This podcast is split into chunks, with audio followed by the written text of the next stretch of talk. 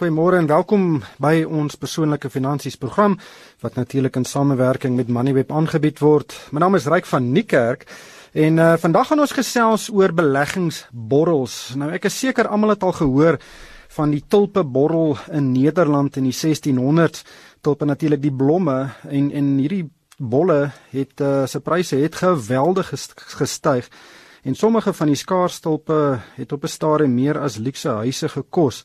Um geweldige um borrel wat ons daar gesien het. Meer onlangs was daar natuurlik ook die .com borrel in die 1990s waar uh, IT en internetpryse van maatskappye net geweldig gestyg het en toe ook weer ineengestort het. Ons het ook hier in die middel 2000s gesien 'n eiendomsborrel het gebars in Amerika. Dit het later gelei tot 'n finansiële krisis reg oor die wêreld. Ehm um, en dit was natuurlik ook iets wat baie waarde verwoes het. Daar's natuurlik baie ander ook. Ons uh, sien op die oomblik uh, die kriptogeldeenhede Bitcoin en veral Ethereum wat geweldige prysstygings beleef het.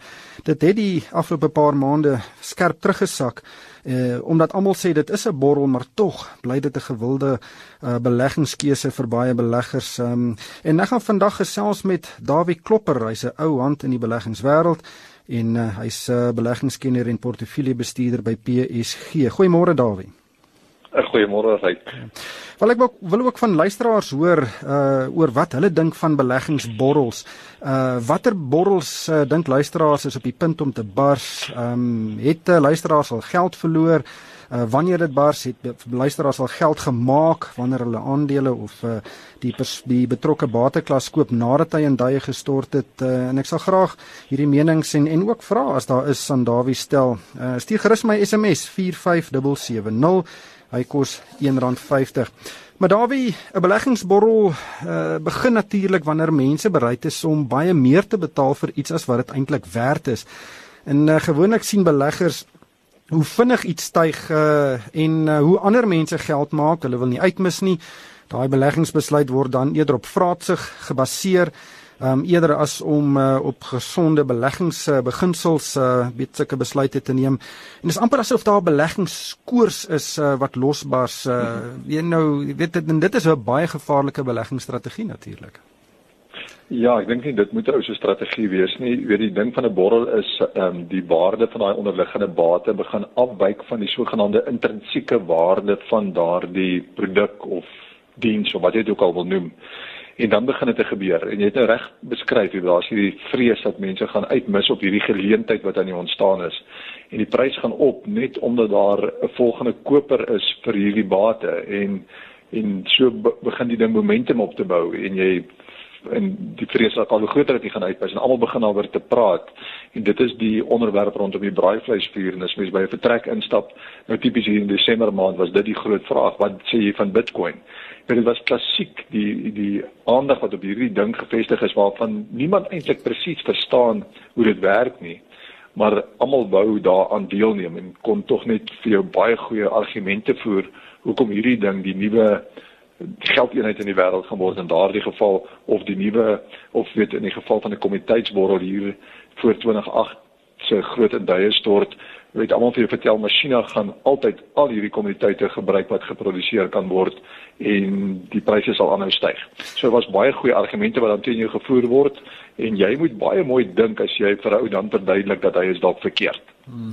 Maar kom ons gaan 'n bietjie terug in die geskiedenis uh hier in die 1600s met die tulpe borrel. Dit word altyd as 'n voorbeeld um uitgebeeld uh van so 'n beleggingsborrel omdat dit so 'n ongelooflike storie is. Um en uh weet dit is 'n status simbool om tulpe te besit. Daar was baie uh ongelykheid tussen uh, mense wat daar gebly het en die prys van tulpe het net absoluut ontplof. Soos ek vroeër gesê het, soms het uh, een of twee tulpe meer gekos as 'n luukse huis. Ehm um, wat is die agtergrond en geskiedenis van hierdie borrel? Ja, dit het gebeur um, hier in die 1630 soos jy reg sê.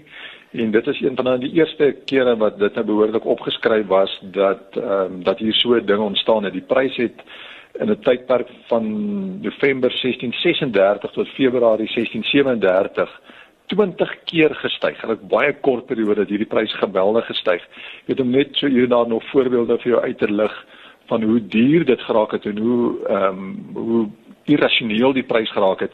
Op 'n stadium kon jy 5 hektar grond ruil vir een tulp. Ehm um, die ehm um, publiek het begin betrokke raak. Hulle uiteindelik kon jy 4 bolle ruil vir 1000 ton botter. Dit sulke sulke belaglikhede het begin ontstaan. 'n Opgeleide ambagsman sou 8 jaar moes werk om een tulp of een bol te koop. En natuurlik was daar dan nou hierdie gesprekke wat begin gevoer word en gesê hoe sommer hierdie ding is baie skaars en as jy hom besit dan gaan jy baie geld maak en omdat mense baie geld begin maak het het ehm um, almal begin betrokke raak en het al hoe meer mense begin betrokke raak en het hulle van hulle bates verkoop om tog net 'n bol in die hande te kry en om dit weer te verkoop. So naderhand is dit 'n situasie van ehm um, jy koop hom, plant hom nie en kry 'n klomp nuwe blomme of iets wat jy kan verkoop nie, want dit gaan nog tog nooit die prys ehm um, regverdig nie. Jy het die bol en jy het hom in die hande gekry en jy verkoop hom aan die volgende persoon wat bereid is om te betaal. En dis presies wat gebeur het. Uiteindelik toe het daardie borrel natuurlik gebars en uit 99% 3 maande later ehm um, gedaal. Dis hoe erg dit was. Hmm. Natuurlik, uh weet dis 'n baie duidelike voorbeeld, weet 'n tulp is 'n is 'n blom uh vir baie mense vandag is dit niks werd nie. Dis miskien iets waarvoor jy 'n paar rand by 'n kwekery betaal. Ehm um, maar weet ons hoekom het mense hierdie tulpe koers gekry om hierdie geweldige hoeveelhede geld uh te spandeer om dit te koop? Ek dink nie um, die mense kon ooit werklik vasstel wat het die sielkunde wat onderliggend begin ontstaan het dat dit uh, gebeur het dat hierdie hierdie amper manie ontstaan het om tog net 'n uh, tulp in die hande te kry of 'n bol in die hande te kry. Dit het ek dink dit is ingevoer vanuit die Midde-Ooste uit na Nederland toe. Daar was miskien 'n element van skaarsheid, dit was mooi geweest En dan begin jy weet die mense begin te praat daaroor en hulle begin vir mekaar te verduidelik hoekom is hierdie die volgende groot ding wat gaan gebeur. So dis uiteindelik weet jy kry 'n bietjie die vertroue begin op te bou by mense dat hulle raak positief, hulle kry vertroue, hulle sien dit werk, hulle weet die pryse bly styg, hulle raak weet dit raak amper mense amper sê daar word as te ware partytjies gehou oor hierdie goeders. Ehm um, mense raak in massas betrokke by hierdie geleentheid en almal wil net daaraan deelneem. So hier bou 'n euforie op en dis daai euforiese toestande wat meer en meer mense intrek in die geleentheid in sogenaamd. En dan word daar natuurlik mos nou gemotiveer hoekom hierdie ding goed is en hoekom dit nie sal ophou nie en hoekom jy daarvan moet besit want want hulle skryf in hierdie in die geskiedenis hieroor mense het ewe skielik baie ryk geword in die proses. Ehm um, en ehm um, en uit en daarom wou jy nie uitmis nie en omdat dit so maklike geleent wel maklik miskien was dit maklik op daai stadium maar uiteindelik ehm um, eindig dit dan nou baie sleg. Mense wil nie uitmis nie. Dis jy weet eh, vraatsig. Ehm um, wat natuurlik Absoluut. Daai daai jy weet jy wil jy, jy voel ryk, jy weet en en omdat jy ryk voel ehm um, um, wys jy dit ook in die mate waartoe jy dit nou weet tentoonstel. Ja. Kom ons uh, gaan 'n bietjie na die 1990s toe um, met die dotcom borrel nou. Ek het hier in die middel 90s uh, as 'n joernalis begin werk. Ek wil nou nie my ouderdom heeltemal weggee nie. Um en ek het spesifiek gaan skryf oor inligtingstegnologie en en en kommunikasietegnologie, daai dotcom bedryf. Um jy weet daar was nie baie joernaliste toe wat daaroor geskryf het nie, maar um, ek het daar daar ingespring um, en dit was ongelooflik die euforia. Weet IT-maatskappye se aandelepryse het absoluut net ontplof. Dit het elke dag gestyg. Ehm um, daar was nuwe noterings elke week. Daai maatskappye se aandelepryse het gestyg en van daai noterings was eintlik uiters verdag. Ehm um, uh en en meeste van hierdie maatskappye het nie eintlik wins gemaak nie. Ehm um, almal was ook net so behep met die internet en dit gaan nou die nuwe ding wees en klim nou in en maak geld. Uh wat wat is jou indrukke van daardie borrel? Daai borrel, die dotcom borrel word gesien as een van die heel grootstes wat ooit ontstaan het. Dit was wêreldwyd gewees. Ehm um, dit het in Amerika gebeur natuurlik soos jy gesê het, hierdie nuwe ding, die internet het het, het dit ehm um, um, geïnisieer eintlik as te ware. Dis enigiets net bymekaar kon sit wat via die internet ehm um, bedryf sou word. Ehm um, het dit geweldige aandag getrek. Jy het nou genoem baie van hulle het skaars wins gemaak. Baie van hulle het nooit wins gemaak nie. Dit het net daaroor gegaan om te sê maar hoeveel gebruikers het jy? Hoeveel mense is besig om jou te volg of om jou produkte koop via die internet? En as jy hoe, hoe meer daai hoër daai getalle was, hoe hoër is die waardasie wat op die besigheid geplaas was. En ehm um, dit het absoluut geen ehm um, daar was geen reali, um, realisme nie. Ehm um, dit was totaal net spekulatief. Ehm um, mense het nie gedink wat hulle doen nie. Hulle het nie omgegee op die maatskappy wins maak nie. Hulle het net gesê eers in die toekoms sal hierdie winste begine deurkom solank ons net eers die kliënte op die boeke kry of op die internet kry. Hmm. So dit is wat daar gebeur het. Ehm um, in so ek sê in Suid-Afrika kan ek onthou weet het, het hulle maatskappye begin noteer klomp klein besigheidjies wat hulle dan bymekaar voeg. Onder andere was daar een wat baie gewild was, Brainware hier in Pretoria. En ehm um, die mense het almal net daarin deelneem weet ek het op 'n stadium vrou eintlik maar gesê ek gaan nie vir jou dit koop nie en dit was my baie baie kwaad omdat ek dit nie wou doen nie en hy het elders gegaan en die aandele gaan koop. Uiteindelik dit was duidelik dat daai aandele geen waarde, daar was geen wins nie. Daar kon nie 'n prysverdienste op dit plaas nie. Jy kon niks van die tradisionele waardasie metodes op hierdie klas van maatskappye toepa van toepassing maak nie. Maar die argument was dis nie, dis die keer anders. Ehm um, dit gaan heeltemal 'n nuwe bestel tot gevolg ja. hê. Hmm. Kyk, daai data, daai mention data was nog 'n aandeel. Um, ons weet dit was die grootste tegnologie aandeel op daai stadium. Sy pryse het so van R2 tot R75 gehardloop en toe basies net so vinnig weer terug na R2 toe en baie mense het hulle plase en huise verkoop om juis uh, in daai mention data in te klim. Ja, dit was dit was 'n redelike suksesstorie geweest en hy het dan 'n bietjie wins gemaak. Maar jy weet op 'n stadium dan moes mense nou besluit ehm um, wat jy gaan koop vir die kliënt vir 'n kliënt. As hulle nou vir jou vra kies vir jou kies daai data of Q data of daar was nog ander ehm um, internetmaatskappye op daardie stadium ook hier in Suid-Afrika genoteer en jy moes dan net maar net amper kies wat een verhandel teen 'n 70 prysverdienste of 75 en jy koop die een wat 70 prysverdienste teen verhandel. Totale belaglike waardasies wat in hierdie maatskappye gaan verhandel het. En inderdaad is jy reg dat die pryse het opgeskiet en al die pad teruggesak en mense het baie baie geld verloor. Ehm um, ten spyte van die van waarskuwings of ten spyte van die feit dat jy gesê het hoorie sommer hierdie ding is nie standhoudend nie of die waardasies is verkeerd.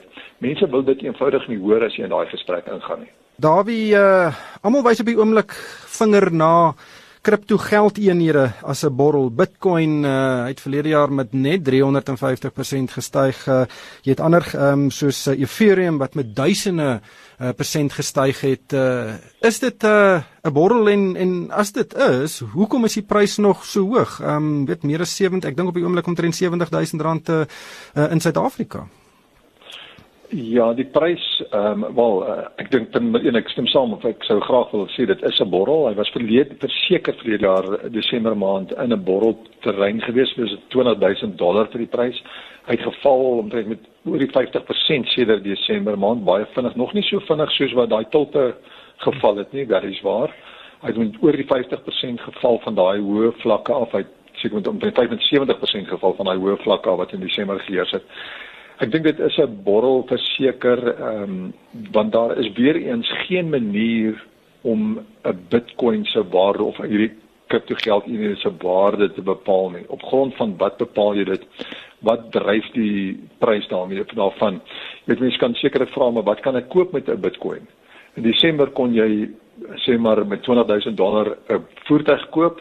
Nou kan jy of nou kan jy glad nou kan jy 'n kwart van 'n kar koop nie. Byvoorbeeld dit is daai is dit 'n borrel of is dit 'n 'n waardasie metode ehm um, gaan jy tevrede wees as iemand jy betaal met bitcoins as jy jou plaas aan hom verkoop?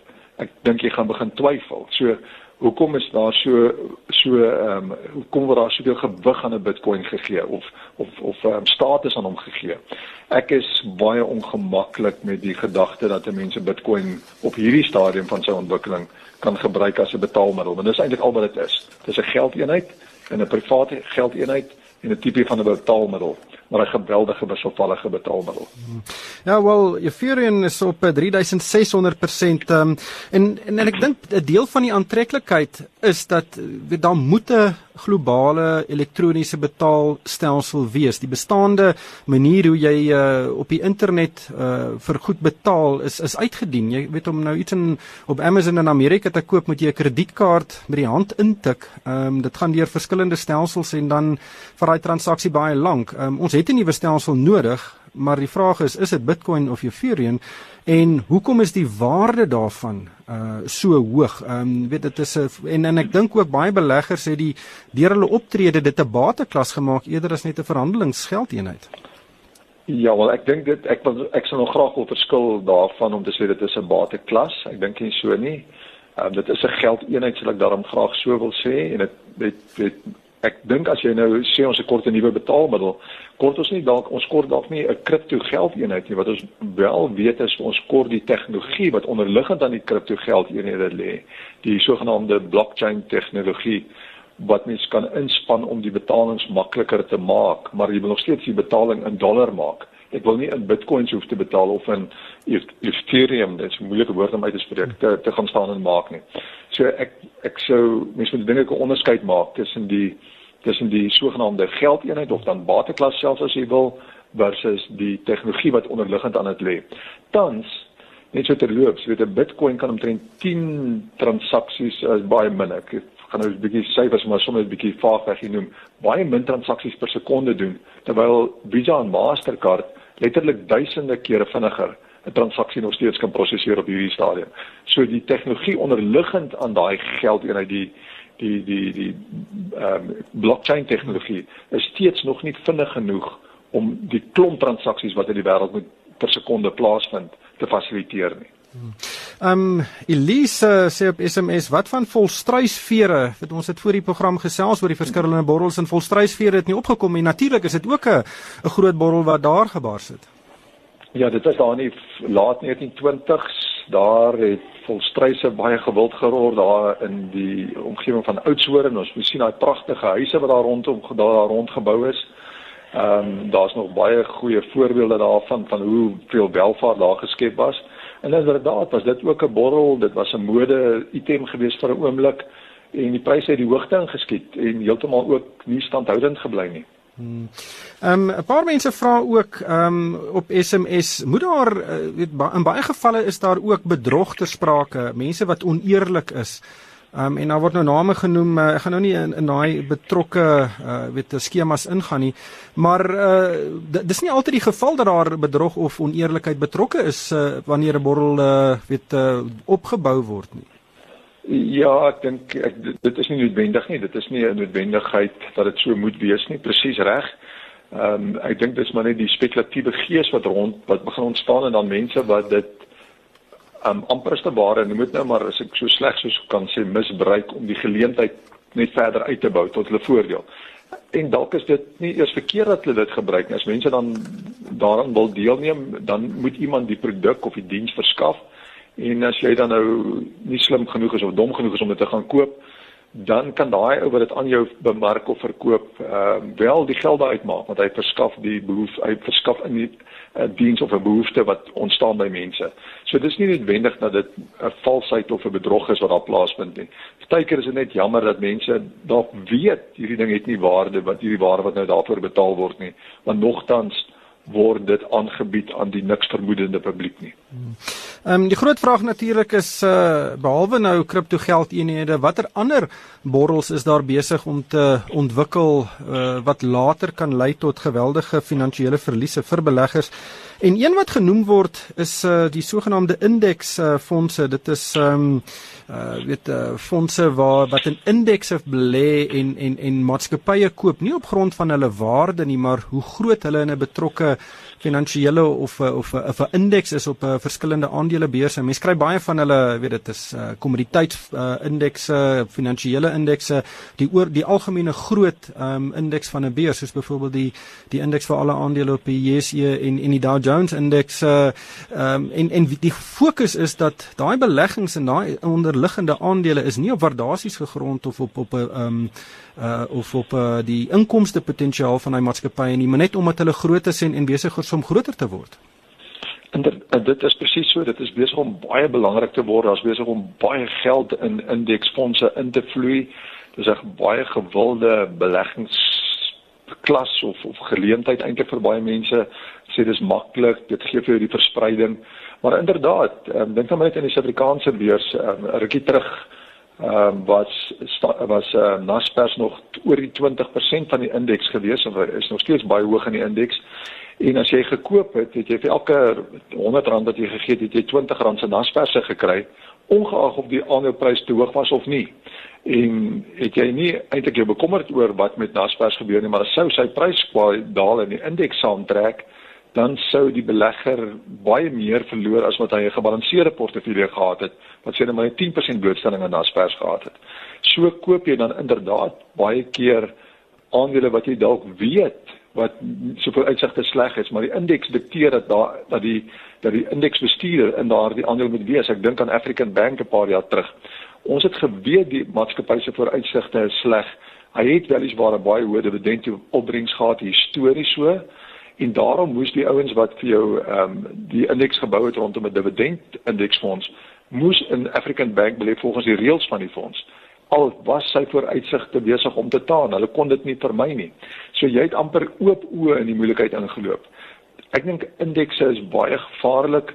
Um, dit word dis natuurlik 'n goedkoop produk dit gee vir jou blootstelling aan die mark maar ek dink 'n mens moet tog 'n bietjie mooi dink oor wat jy koop wanneer jy in 'n algehele indeks koop of is nywerheidsindeks of 'n finansiële indeks of 'n internasionaal tegnologie indeks of 'n farmaseutiese indeks. Daar's verskeidenheid van die goedes daar beskikbaar. Jong, ek is nou sommer lus om gooi my hande in die lug en sê, "Jene, ons is nou hierso so alarmisties, alles is 'n borrel." uh want uh, indeksfondse in teorie is eintlik baie baie goeie beleggingsprodukte. En uh die ironie is as daar probleme met die waardasies van indeksfondse kom, gaan dit alle aandelebeurse reg oor die wêreld raak dit is uiteindelik dit sal die gevolg wees daarvan want ek dink dis die ding wat ons nog nie weet nie. Hier's 'n groot onbekende aan die opbou. Hierdie geweldige klomp geld wat in die indekse invloei. Wat gaan gebeur as die markte begin op 'n manier op 'n stadium korrigeer? Dit kan dalk erns in die nabye toekoms erns in die volgende 18 maande 24 maande kan daar 'n groot korreksie sien maar in die Amerikaanse beurs wees.